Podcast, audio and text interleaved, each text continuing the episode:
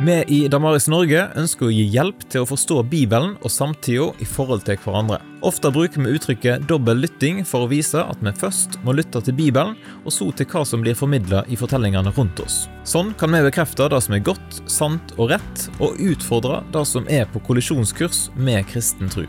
Vi setter fokus på populærkulturen som film, TV, litteratur og musikk.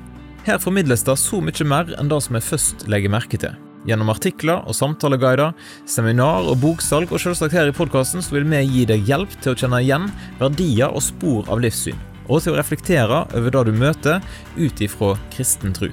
Vi tilbyr ressurser både for menighets-, skole- og mediearenaen, og uansett hvem eller hvor du er, så vil du rent personlig finne mye aktuelt her hos oss i Damaris.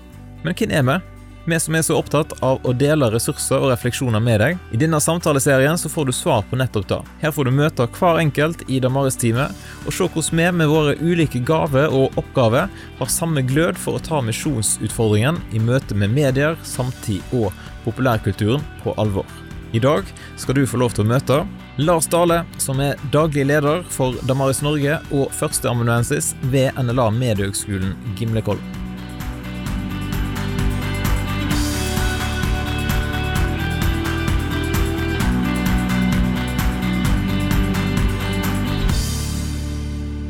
I dag så er det et litt uh, annerledes uh, profilintervju enn disse andre profilintervjuene som vi har gjort med Damaris-staben. I dag er det rett og slett sjefen sjøl, Lars Dale, som er med på, på måte, tråden fra Kristiansand. Velkommen uh, igjen til podkasten. Hjertelig takk, Kjetil. Det er alltid kjekt å være gjest og samtalepartner med deg.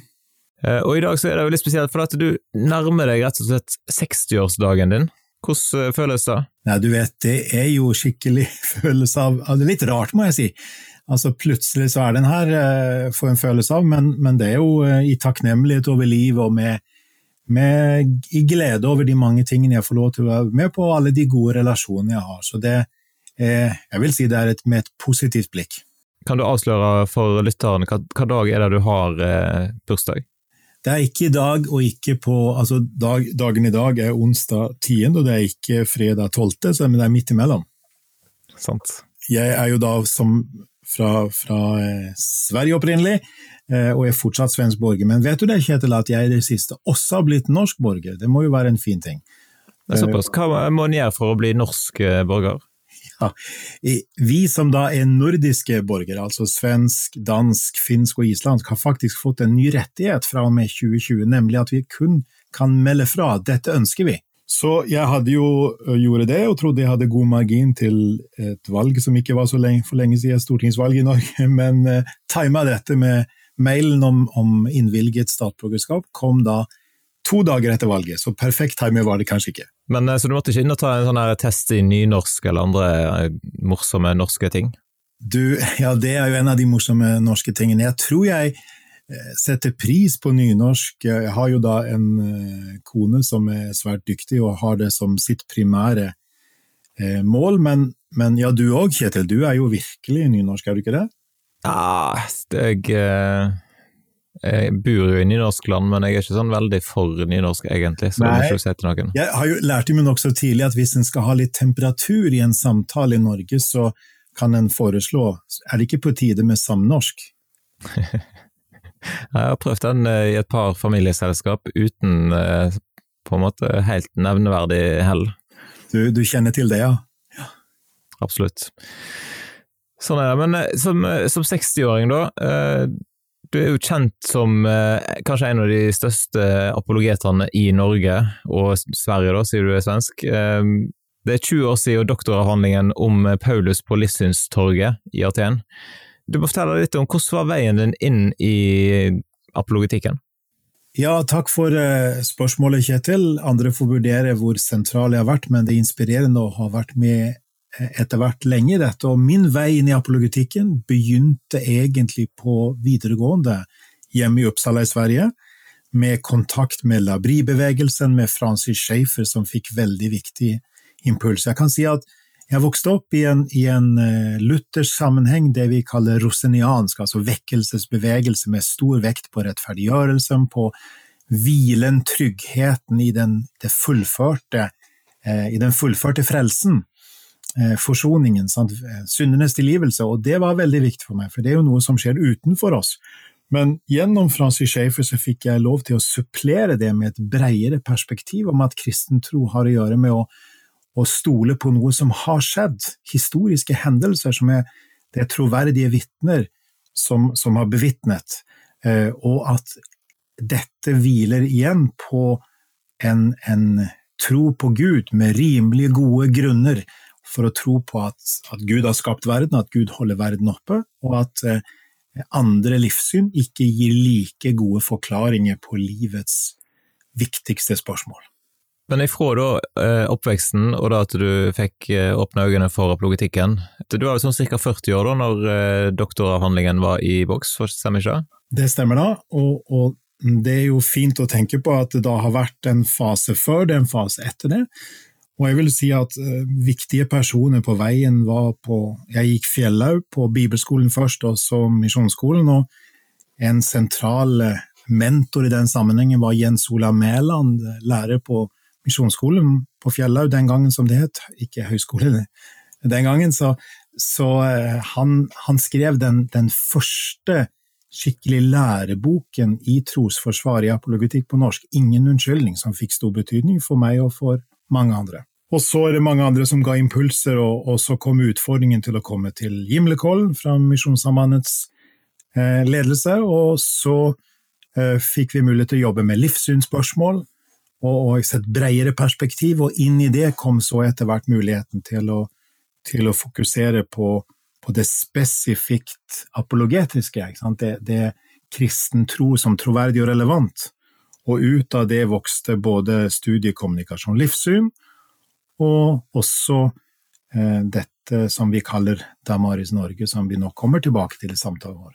Men du må fortelle litt mer om den doktoravhandlingen, for det var jo rett og slett i Oxford med alt det som på en måte hører med av eh, ting som har sett på TV-serier om folk som studerer i Oxford. Fortell litt om hvordan var opplevelsen av å komme fra, fra Norge og så inn i det engelske systemet der og skulle ta en doktorgrad? Ja, det er jo virkelig en uh, kultur en, en, sånn tverrkulturell, interkulturell vandring? Fra, fra Norge til Oxford. Nå har jeg riktignok en del av min bakgrunn i at jeg vokste opp i, i den, den, byen i Sverige med med lengst universitetstradisjon, Uppsala, som, der universitetet ble grunnlagt i 1477, riktignok et par-tre hundre år eh, sant, etter Oxford, men, men, men, eh, tidlig var dette i Norden. Så, så, litt av dette hadde jeg nok med meg, eh, av den akademiske bagasjen, så å si, kulturen. Men Oxford er jo et fantastisk spennende sted, og, og, og hvis jeg skal si sånn kort, så pleier jeg å si at jeg tok den i Oxford. Det er ikke helt entydig riktig, da, fordi jeg tok det ved et institutt som lagsbevegelsen, studentlaget, hadde i Oxford den gang, men som ikke var knytta Jeg gjorde det ikke ved selve universitetet i Oxford, men jeg hadde base der, og min veileder var knytta til universitetet. Jeg forsvarte det på et av collegene, men det var gjennom Open University, som et stort nasjonalt universitet med fjernstudier, så det var sånn jeg gjorde det. Men absolutt, Kjetil, Oxford er alt det vi ser på TV-seriene, og veldig mye mer. Eh, det kalles The City of Dreaming Spires. Det betyr alle tårnene i, i drømmende halvtåke. Ikke sant? Det er, ikke uten grunn at vi har lagt studieturene i ikke-koronatider på kommunikasjon og livssyn til annet i Oxford, fordi det gir et helt unikt møte med kristen kulturtradisjon og med livssynsdebatten Eh, C.S. Lewis, selvfølgelig, Tolkien. Eh, vi kan snakke om ateister som Philip Pullman og andre. Uh, her er det veldig mye å gripe fatt i, men nå må jeg nesten ikke si mer, Kjetil, for da har vi snakket om noe annet. Du har også blitt kalt for Mr. Gimlekollen. Hva kommer det av?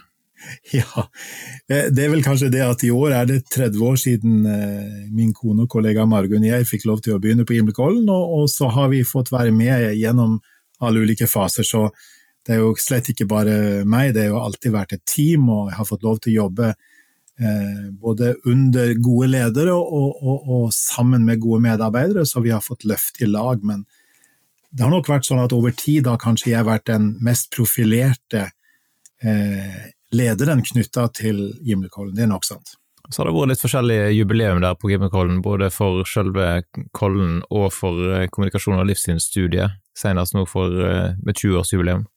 Ja, det stemmer det. I år er det faktisk et skikkelig jubileumsår på, for hele NLA høgskolen, og, og, kort fortalt så hvis vi setter dette i litt større sammenheng, så, så eh, har vi jo Staffels gate i Oslo. Musikken der begynte for 50 år siden. Og så har vi journalistikken på Gimlekollen, som begynte for 40 år siden. Og så ble det høyskole på Gimlekollen for eh, 25 år siden. Og samme år ble det lærerutdanning etablert på Breistein i Bergen. også 20 år siden Kommunikasjon kommunikasjon, livssyn og også interkulturelle studier, det som nå da het tverrkulturell kommunikasjon. Så ja, dette er i sannhet et jubileumsår. Og så kommer 60-årsdagen din midt oppi hele greiene. Ja, det var, jeg på å si, det var ikke planlagt, men det, men det bare ble sånn, ja.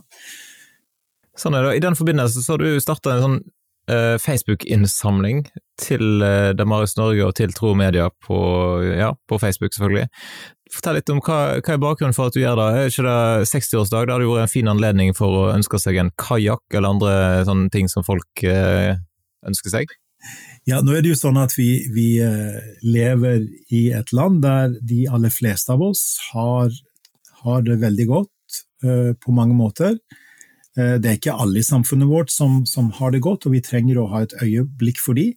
Og det er mange gode prosjekter, men, men akkurat nå, i den forbindelse med, med, at jeg nå runder 60, så var det viktig for meg å ha et fokus på noe av det som er min hjertesak, og at akkurat dette skjer i Damaris regi, er på en måte ikke det aller viktigste, men det er hva som skjer, nemlig at vi får lov til å eh, gi eh, unge trygghet i møte med det press de møter i dag.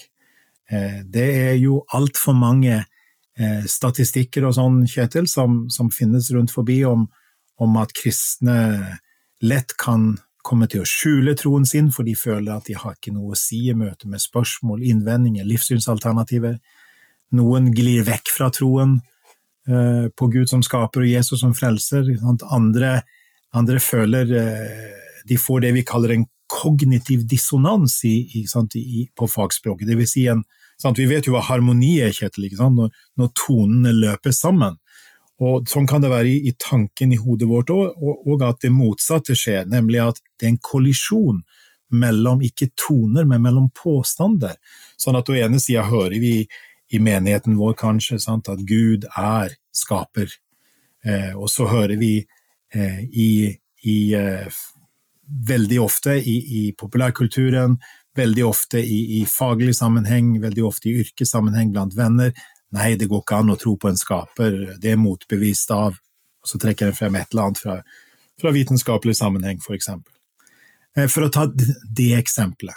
Så eh, vi tror, jeg tror og vi tror at det er utrolig viktig å gi unge, og for så vidt på tvers av generasjoner, men nå er fokuset mitt akkurat nå, unge i brei forstand, altså Eh, alt ifra folk i, i tidlig tenår, gjennom tenåringen og som, som, unge voksne, hele denne viktige fasen i livet, eh, da, da, mye av, av, av, identiteten og livssynet så å si forankres og utformes, eh, da trenger vi å være der, og ikke alltid først komme med svarene, men, men, men ja, se de unge, vi trenger å ha åpne øyne, åpne sanser, og vi trenger å vise respekt, vi trenger å lytte og bli kjent som de som er gode til å lytte, og til å lytte oss inn til de dypere spørsmålene, de dypere lengslene. Dette, Kjetil, dette opptar meg virkelig. Ja, og pengene som blir samlet inn der, hva type ressurser ser du for deg at de skal bli brukt til å utvikle? Ja, vi er jo nå på, på, på en av de plattformene som er viktige for oss, Kjetil, på podkasten. Og for å produsere det, så trengs det jo selvfølgelig midler hele veien.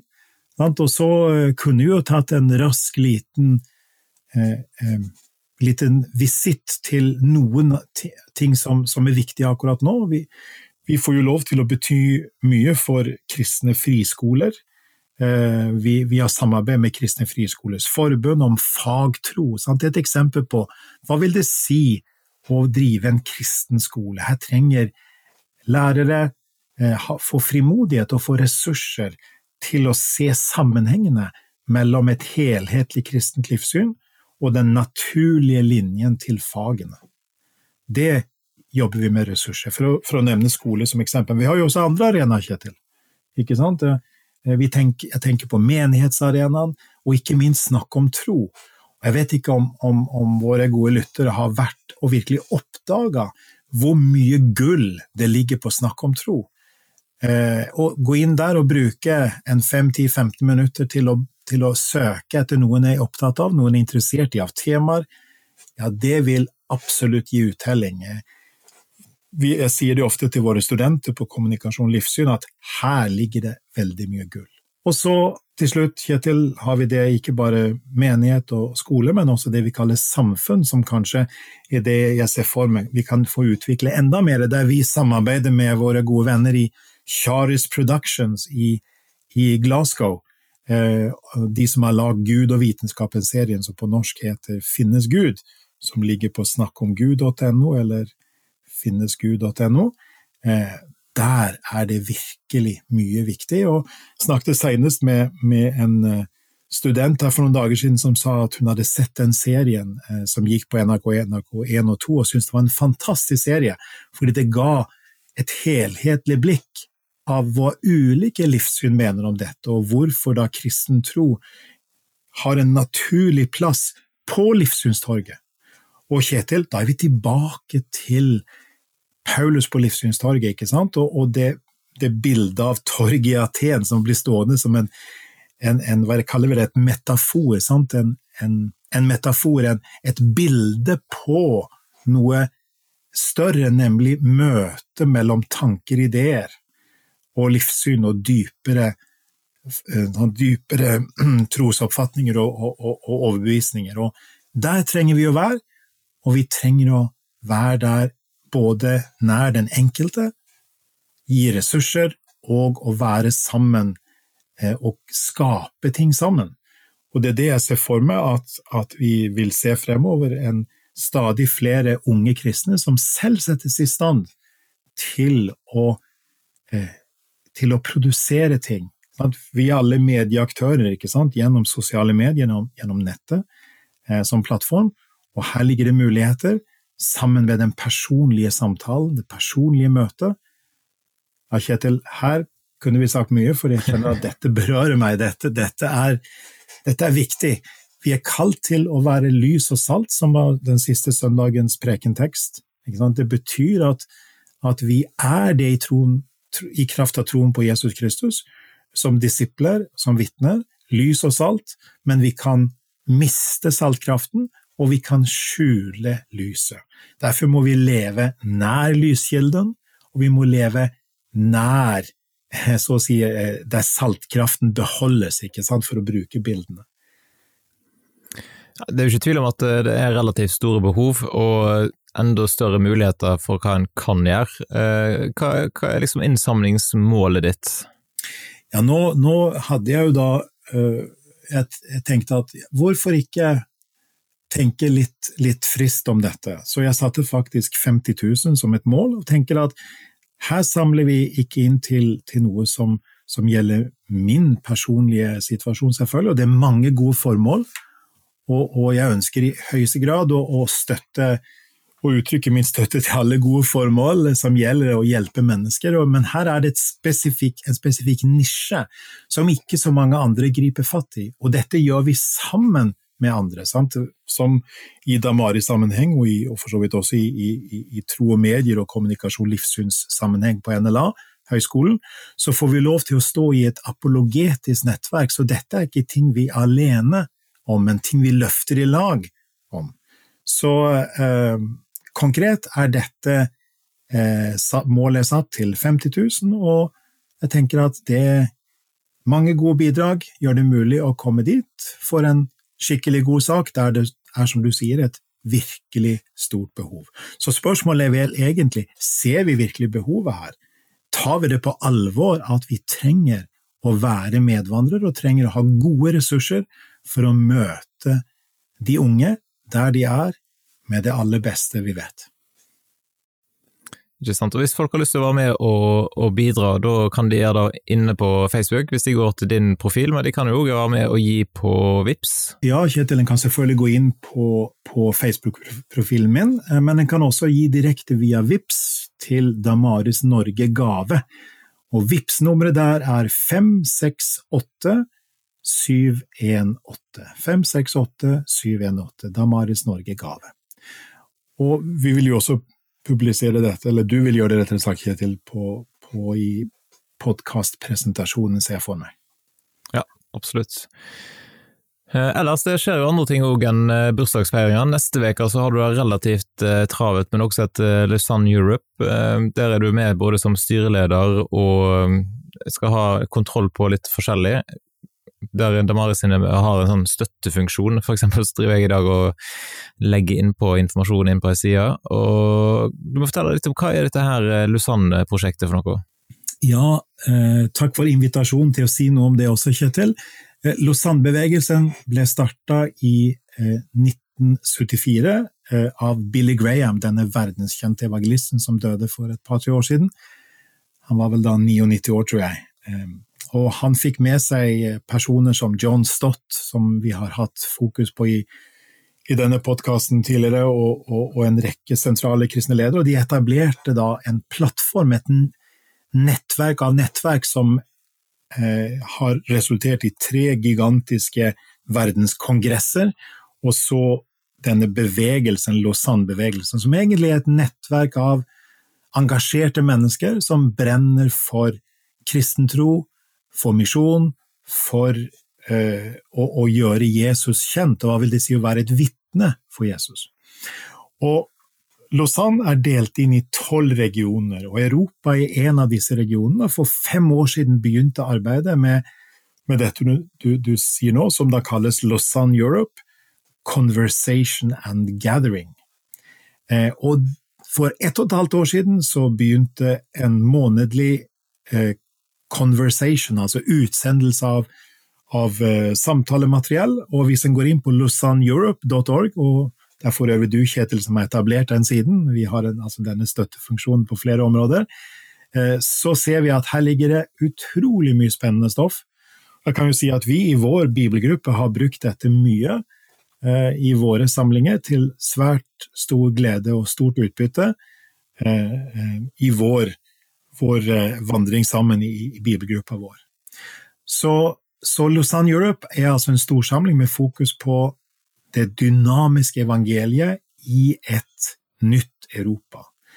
Og det er faktisk sånn at uh, det har ikke vært noen stor Lausanne-konferanse for hele kontinentet siden den startet Lausanne-bevegelsen i 1974.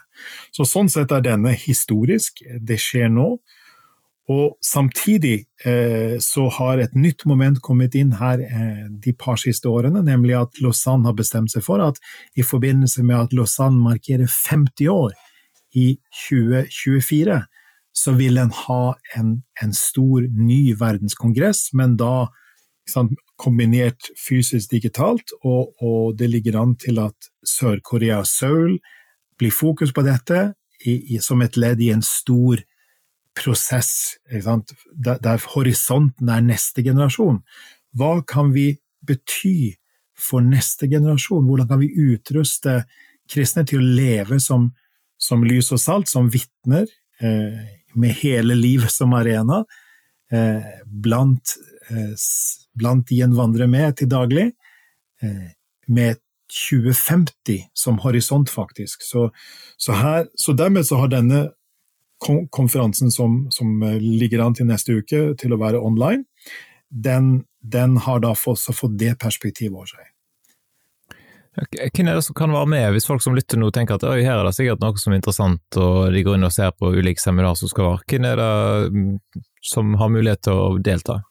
Ja, Det er to måter å delta på. En kan delta på, på, på eh, sånn i sann tid som delegat, og da forutsetter en invitasjon, fordi en jobber systematisk med å få en representasjon. Sant? At det skal være en brei representasjon på tvers av land, kirkesamfunn, roller, kjønn osv. Eh, eh, alder, og, og, det er oppmuntrende hvor representativt det er, med de vel 800 delegatene vi har på plass nå. Eh, så, den døren på en måte ikke åpen umiddelbart, den prosessen har holdt på i et par år. Men det som er mulig for alle nå, det er å være med på plenumssamlingene. Livestream, som det heter. Det blir strømmet eh, direkte fra de, så en bare går inn på lausanneeurope.org, så finner en eh, hvordan en kan registrere seg der på, på, for det, for å følge med på det, og det anbefales varmt å få med seg i hvert fall én av storsamlingene. Vi tror det blir utrolig inspirerende. Så Kjetil, vi snakker om, om eh, her er det over 800 delegater fra hele Europa. Alle land er representert. Vi snakker om en bred representasjon. Vi snakker om mange flere som vil eh, lytte seg inn og følge med og se på dette via livestream. Og vi snakker om at det har vært kanskje 100, kanskje 150, kanskje 200 studiegrupper i sving over hele Europa siden februar 2020, og at horisonten er 2024 og Lausanne 4. Var det en grei sånn eh, et greit fugleperspektiv på, på, saken? Ja, jeg tenker det. Eh, jeg håper jo at dere får tatt opp noen av disse seminarer og ting som skal være, at det da kan bli tilgjengelig i etterkant. Ja, det er et godt poeng, Kjetil, og, og, det er faktisk sånn at vi har stort sett forhåndsinnspilt. Eh, det, altså svært mye for å ikke risikere noe, så bruker vi en konferanseplattform som gjør dette mulig til å bruke dette en, sammen med, med, direkte, med live element, eh, sammen, sammen, med de forhåndsinnspilte.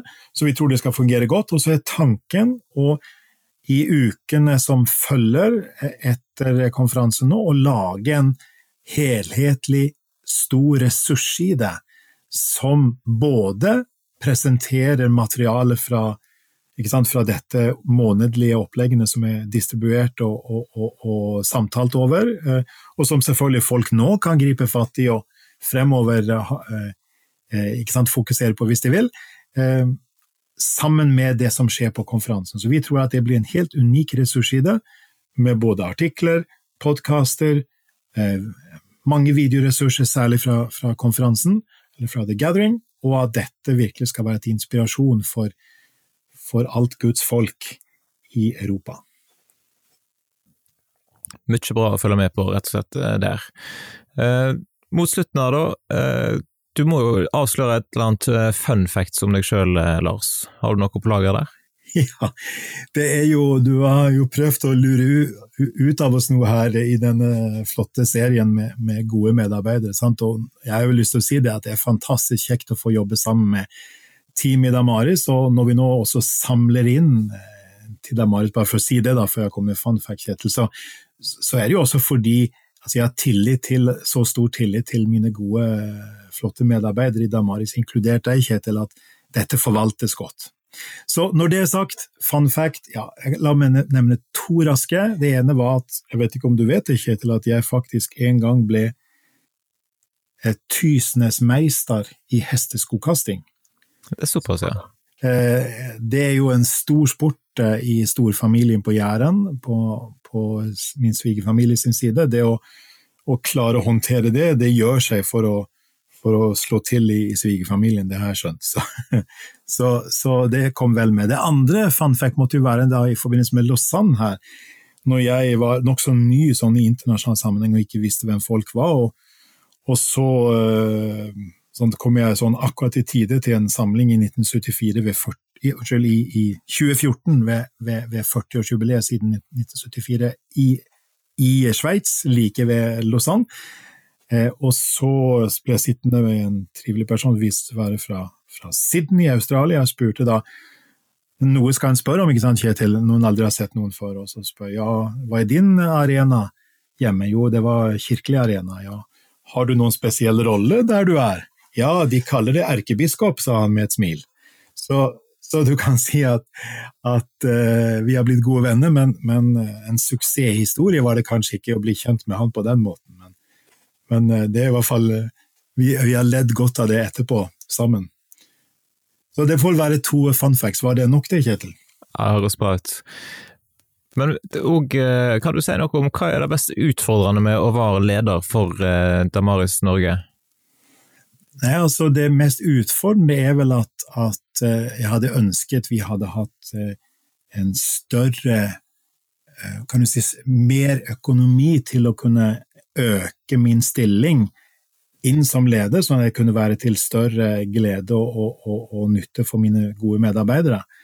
Det tror jeg er den, den største ønsket for veien videre, å kunne legge til rette for det. Det fungerer jo sånn at jeg har en fulltidsstilling på, på NLA, Høgskolen i Kristiansand, det som da er på Gimlekollen, eh, og så blir jeg leid ut til Damaris, fordi Damaris da, selv om Damaris er heleid av Tro og Medier, og det er på mange måter primærrelasjon, så har vi også en, en sekundær, en sånn nummer to-relasjon til, til NLA Høgskolen som såkalt randsonevirksomhet. Det betyr at vi som da er ansatt i NLA-høgskolen eh, og jobber i Damaris. Vi har mulighet til å regne det vi gjør i Damaris som vår forlengede, en forlenget virksomhet av høgskolen. Eh, en, en, dette brukes ofte i, i andre deler av høyskole og, og, næringsliv, så har en ofte slike samarbeidsavtaler for å nyte godt på tvers av det. Så sånn sett er Damaris en, en eh, et viktig, et, en liten organisasjon, men en nøkkelorganisasjon, for vi, vi er brobyggere mellom den kristne høyskolen NLA og Kristen-Norge på mange måter. Eh, så det er ikke den eneste måten selvfølgelig NLA forholder seg til, til sine eiere, langt ifra, eller til Kristen-Norge som helhet, men vi representerer én viktig, eh, en viktig brobygging der. Så det, det er noe jeg ser at det hadde jeg ønsket å bruke enda mye mer tid på. og og få utløst enda mer potensial i dette, som jeg tror både har noe med, med, med det vi ser akkurat nå, og fremover i horisonten, eh, der, der, behovene bare blir større, tror jeg, for det vi har snakket sammen om, de apologetiske ressursene, at vi trenger å løfte frem at kristen tro er både troverdig og relevant, det gir mening å tro på Gud som skaper, det gir mening å tro på Jesus som vår oppstand, Herre og Frelser, for å nå bruke de personlige ordene. ikke sant? Eh, det hadde jeg lyst til å løfte frem i forbindelse med at jeg nå rundet 60. Eh, og Hvis jeg har lyst til å få legge til én ting helt til slutt, Kjetil, så er det at jeg har fått lov til å være med eh, på noe som heter European Leadership Forum. Det har vi snakket om i podkasten tidligere her. Sammen, og det er da en årlig storsamling som har betydd mye for meg, og gjennom det ble jeg invitert inn i Lausanne-sammenhengen som, som, leder, eh, som igjen da har hatt ringvirkninger, som vi snakket om tidligere. Men, men det fins en, en, en uh, spennende person der som heter Bob Beal. Han er mentor, han er nå i, midt i 70-årene, og, og, han har flere ganger sagt, og har et sånt uh, kjent foredrag og en bok om det, som dreier seg om de ulike tiårene i et menneskes liv. Han sier det at gitt at helsen holder, gitt at en får lov til å, å fungere eh, i, i, i, livet, ikke sant? Eh, med god tillit og gode relasjoner og åpenhet både oppover og utover til andre, så kan, kan 60-årene faktisk være noe av det viktigste tiåret i livet, fordi da kan en bære med seg livserfaringen, og samtidig kan en forhåpentligvis eie mye arbeidskraft, mye krefter, mye inspirasjon. Få, få, få be Gud om å, om å, få nye ideer som kan, kan, ha bærekraft og ha spirekraft. Så Kjetil, det, det, har vært en oppmuntring å tenke på at eh, kanskje kan det være noe som også jeg kan få lov til å be om, kan være tilfellet for min del, at det åpner seg dører til noe noe spennende, noe viktig, noe meningsfullt, sammen med gode venner, god familie og gode medarbeidere. Yes, jeg tror jeg sier tusen takk for at du var med i podkasten, Lars. Og så må du ha lykke til med 60-årsfeiringa, og så får vi håpe at det blir eh, anledning til eh, et eller annet eh, selskap med Damaris-teamet på sikt. Og alle som lytter til podkasten, kan jo både sende deg en gratulasjonsmelding, og så kan de eventuelt være med og gi et bidrag til innsamlingen som du har dratt i gang nå. Takk for det, Kjetil, og takk til alle som har anledning å bidra. Det setter vi og jeg stor pris på. Takk for at du lytta til denne episoden av Damaris Norge sin podkast. Og vil du vite mer om Damaris og hva vi jobber med, så kan du gå inn på damaris.no. Og vi setter stor pris på om du har lyst til å være med og støtte arbeidet som vi driver. Hvordan du kan gjøre det, finner du informasjon om inne på damaris.no. Vi hadde òg satt stor pris på om du delte podkasten vår med noen som du tror kan ha nytte av den. Da ønsker jeg deg en fin dag, og så poddes vi plutselig igjen.